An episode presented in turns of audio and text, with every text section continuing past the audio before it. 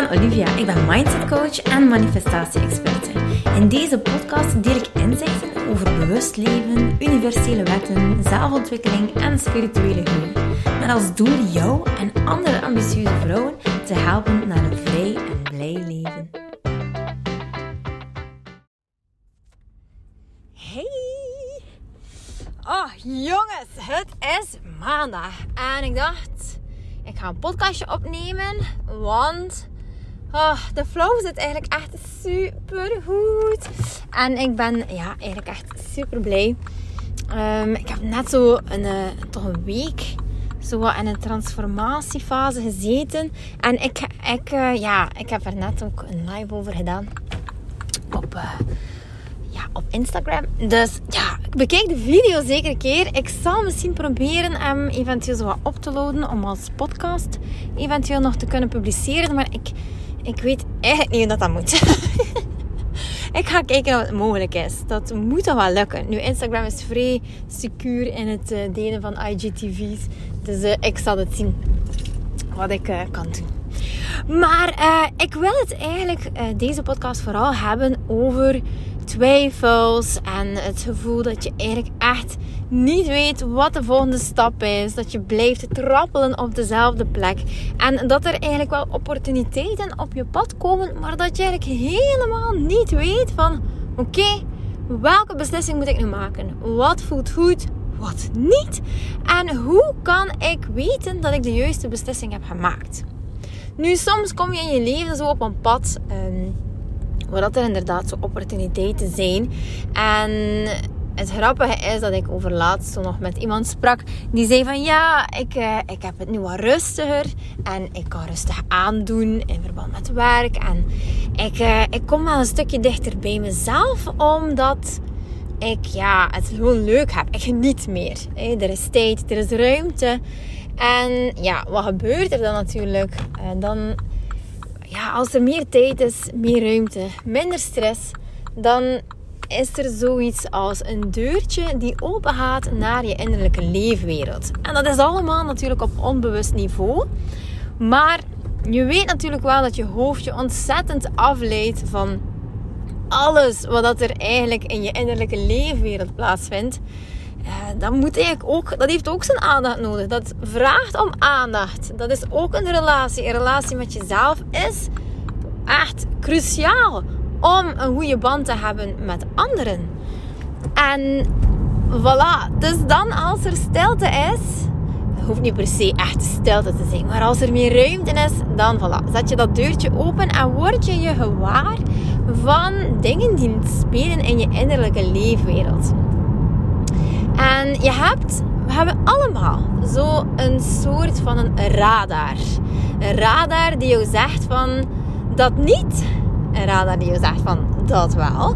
En eentje die zegt ja, misschien. Hmm.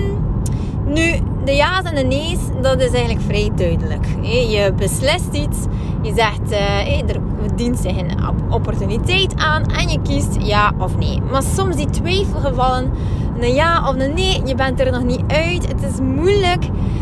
Ja, de die, dat zijn eigenlijk de vervelende. Nu, hoe kan je dan uiteindelijk weten dat je de juiste keuze maakt? Want soms, we zeggen dikwijls, ja, doe wat dat goed voelt. maar soms kiezen we dan eigenlijk de weg van de minste weerstand. En dat is ook niet altijd goed. Want je kiest met je hoofd of je kiest met je hart. Je hebt één van de twee. En als je kiest met je hoofd, dan is dat meestal niet de juiste beslissing, maar wel de makkelijkste optie. In de zin van, oh, ik ben bang om dat te doen, of de mensen gaan dat van mij denken. Ik kies om het niet te doen. Bijvoorbeeld, what you doing? Ah, Amai, dat is hier een meneertje die hier in zijn autootje zit en die rijdt hier echt gewoon op mijn rijbaanvak. Uh, Jezus. Rij, zeg je dat zo? Rij, rijvak? Ja. Um, ik dacht, maar wat doet hij nu? Dus, oké. Uiteindelijk, uh, wat gebeurt er? Dus, oh, ik ben nu echt helemaal kluts kwijt. Wacht, even terug. Mm. Dus, we zitten in Florida en de, we zitten daar eigenlijk in een Cubaanse bar. Zo vrij leuk. Want ze draaiden daar echt van die goede nummers. Oh, echt volledig... Um, ja, zo van uh, Buena Vista Social Club bijvoorbeeld. En dan zo echt van die nummers. En er staan daar zo van die meisjes, ik weet niet hoe kokettige dames van alle leeftijden en alle groottes en maten. Staan daar te dansen, maar echt fantastisch om dat te zien. Nu, uiteindelijk, um, ze zijn aan het dansen en bij mij kriebelt dat dan natuurlijk van ga ik meedansen of niet. Ik ben nogal daarin ja, een twijfelaar, maar ja, een keer dat ik er sta, dan sta ik er ook. Dan heb ik de beslissing gemaakt. En meestal ben ik altijd de eerste om het te doen. Ik, ik, uh, ik ben altijd de eerste die op de dansvloer staat na hey, wikken en wegen. Nu, uiteindelijk, um, iedereen zit zo ook te kijken naar die dames. En iedereen is, is eigenlijk aan het verlangen om op die dansvloer te staan. En we waren daar nu eigenlijk met kennissen. En maar ja, ik kende die mensen niet zo goed. Je kent die beter. En uiteindelijk, ik dacht, ik, ik ga hier ongemerkt, ik ga gewoon zeggen, hey, ik ben naar het toilet. En ik ga echt gewoon gaan dansen als het goed voelt. Nu, ik ben op weg naar het toilet en in the moment speelde er zo'n nummer van vroeger dat ik zo nog kende van in mijn uitgaansleven. En ik dacht, yes, oké, ja, weet je, het is voorbestemd. Ik doe het gewoon.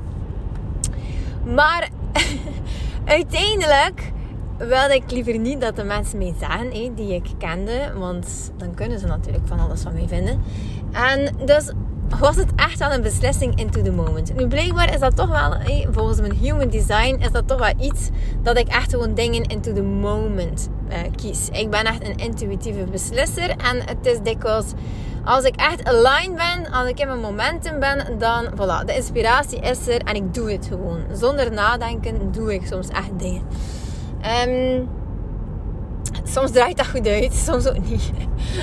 maar goed, uh, ik kan ermee leven. En uiteindelijk, ja, dus je kiest eigenlijk in de moment. Maar die weerstand natuurlijk van, goh, wat gaan ze denken van mij? Ik wil het liever niet als ze mij zien. Uh, die is er natuurlijk. Maar toch was die pijn me dat eigenlijk niet waard. Want die, die, dat gevoel, dat vuur om toch echt te willen dansen, die was eigenlijk op dat moment groter. Nu, wat is er gebeurd? Ze hebben me wel zien dansen en ze zijn er allemaal bijgekomen. Uiteindelijk. Maar op het moment dat, ze dat ik door had dat ze me eigenlijk gezien hadden, dan dacht ik van... Ah, shit. ze hebben het gezien. Maar ik dacht, ja, oké, iedereen komt er gewoon bij. Nu, dat is echt een mini voorbeeld. Dit gaat over een mini-beslissing in je leven die vrijwel geen gevolgen heeft. Maar als je soms moet kiezen om te veranderen van job, om zelfstandig te worden, om.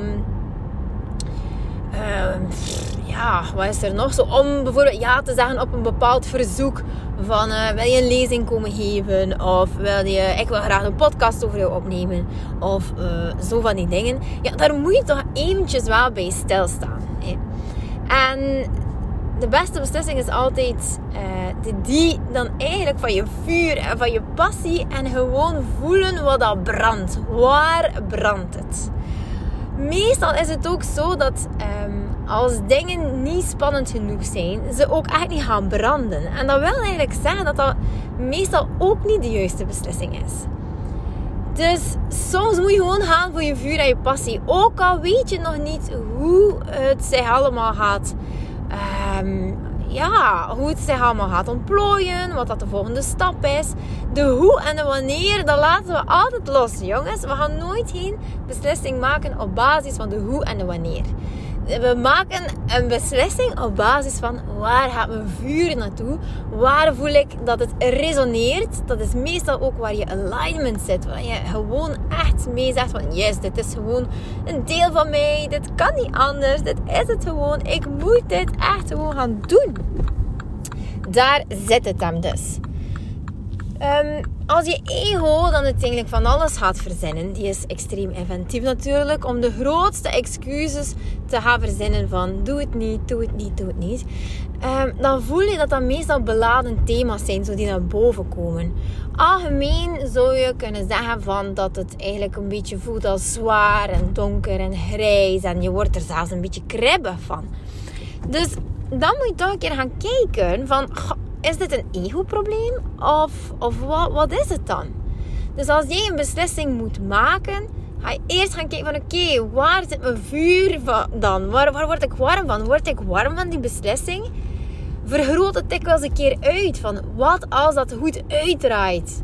Wat als die ene beslissing gewoon een mega, mega goede beslissing was? En dat ik niet alleen mag werken bijvoorbeeld voor die firma, maar dat, uh, dat ik eigenlijk een hogere functie nog kan behalen in het eerste jaar dat ik daar werk. Wat als ik zelfstandig word en de resultaten zijn gewoon magnifiek. Oh, ik kan eigenlijk al direct um, zoveel omzet draaien. Ik heb een mooi klantenbestand. En word je daar dan warm van? Kijk een keer als je het ooit vergroot, hoe groot je vuur dan uiteindelijk wordt. Vergelijk ook steeds met elkaar. Um, bijvoorbeeld, als ik kies om uh, zelfstandig te worden en ik vergroot het uit, hoe warm word je daarvan?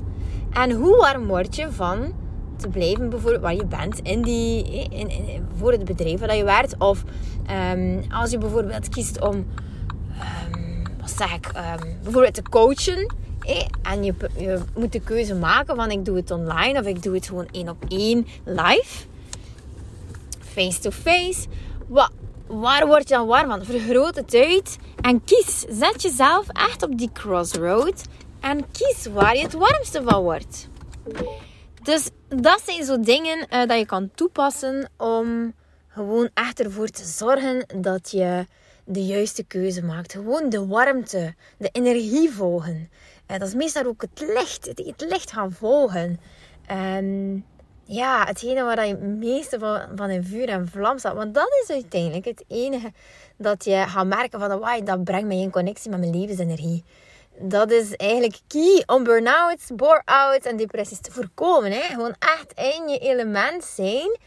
En ja, hetgene dat je doet als je in je element bent, dat eigenlijk echt gewoon gaan uitvergroten. Daar zoveel mogelijk van doen. Dus uh, voilà, kijk. En dan komt, uh, als je dat eigenlijk een beetje rond hebt, als je zegt van ja, kijk, ik weet niet hoe ik het ga uitdraaien. Ik weet het niet. Of uh, het is zo afwachtend. En je moet zo uh, wachten op die beslissing. Of wachten tot je um, iemand gehoord hebt die bijvoorbeeld zorgt voor opportuniteiten. Of iemand, of je werkgever bijvoorbeeld. Um, dan moet je gewoon echt voor je beslissing gaan staan en het echt gaan manifesteren echt het gaan visualiseren van, hey, kijk, um, dit gaat voor mij gewoon gebeuren. Dit is het gewoon. Ik ga manifesteren dat het zo naar me toe komt. En om te manifesteren wil ik je heel graag verwijzen naar mijn vorige podcast. Daarin ga je echt gewoon in vijf stappen gaan manifesteren wat je echt, echt, echt wilt. Dus trek het naar je toe. Ik geloof er echt plechtig in. Uh, dat je heel veel kan manifesteren, heel veel naar je toe trekt. Als je dus gewoon echt uh, dat verlangen hebt. Dat is ook de eerste stap van het manifesteren. Dat verlangen. En dat echt gaan uitvergroten. En dat naar je toe trekken. En het eigenlijk al gaan leven. Nu, ik leg het allemaal uit in die podcast. Maar dat is toch echt wel van, het, van groot belang. Nu, voilà. Kijk, lievertjes. Uh, of liever tenminste. Ik ga mijn kindjes gaan aan school. Ik vind dat echt super leuk. En deze dag, ja, deze dag kunnen we dat doen dan nog een keer zonder masker. Ik vind het fantastisch. Vrijheid, vrijheid ten top. Ongelooflijk. Oké, doei doei. Tot de volgende. Lieveling, dankjewel dat je luistert. Ik ben blij dat je erbij was.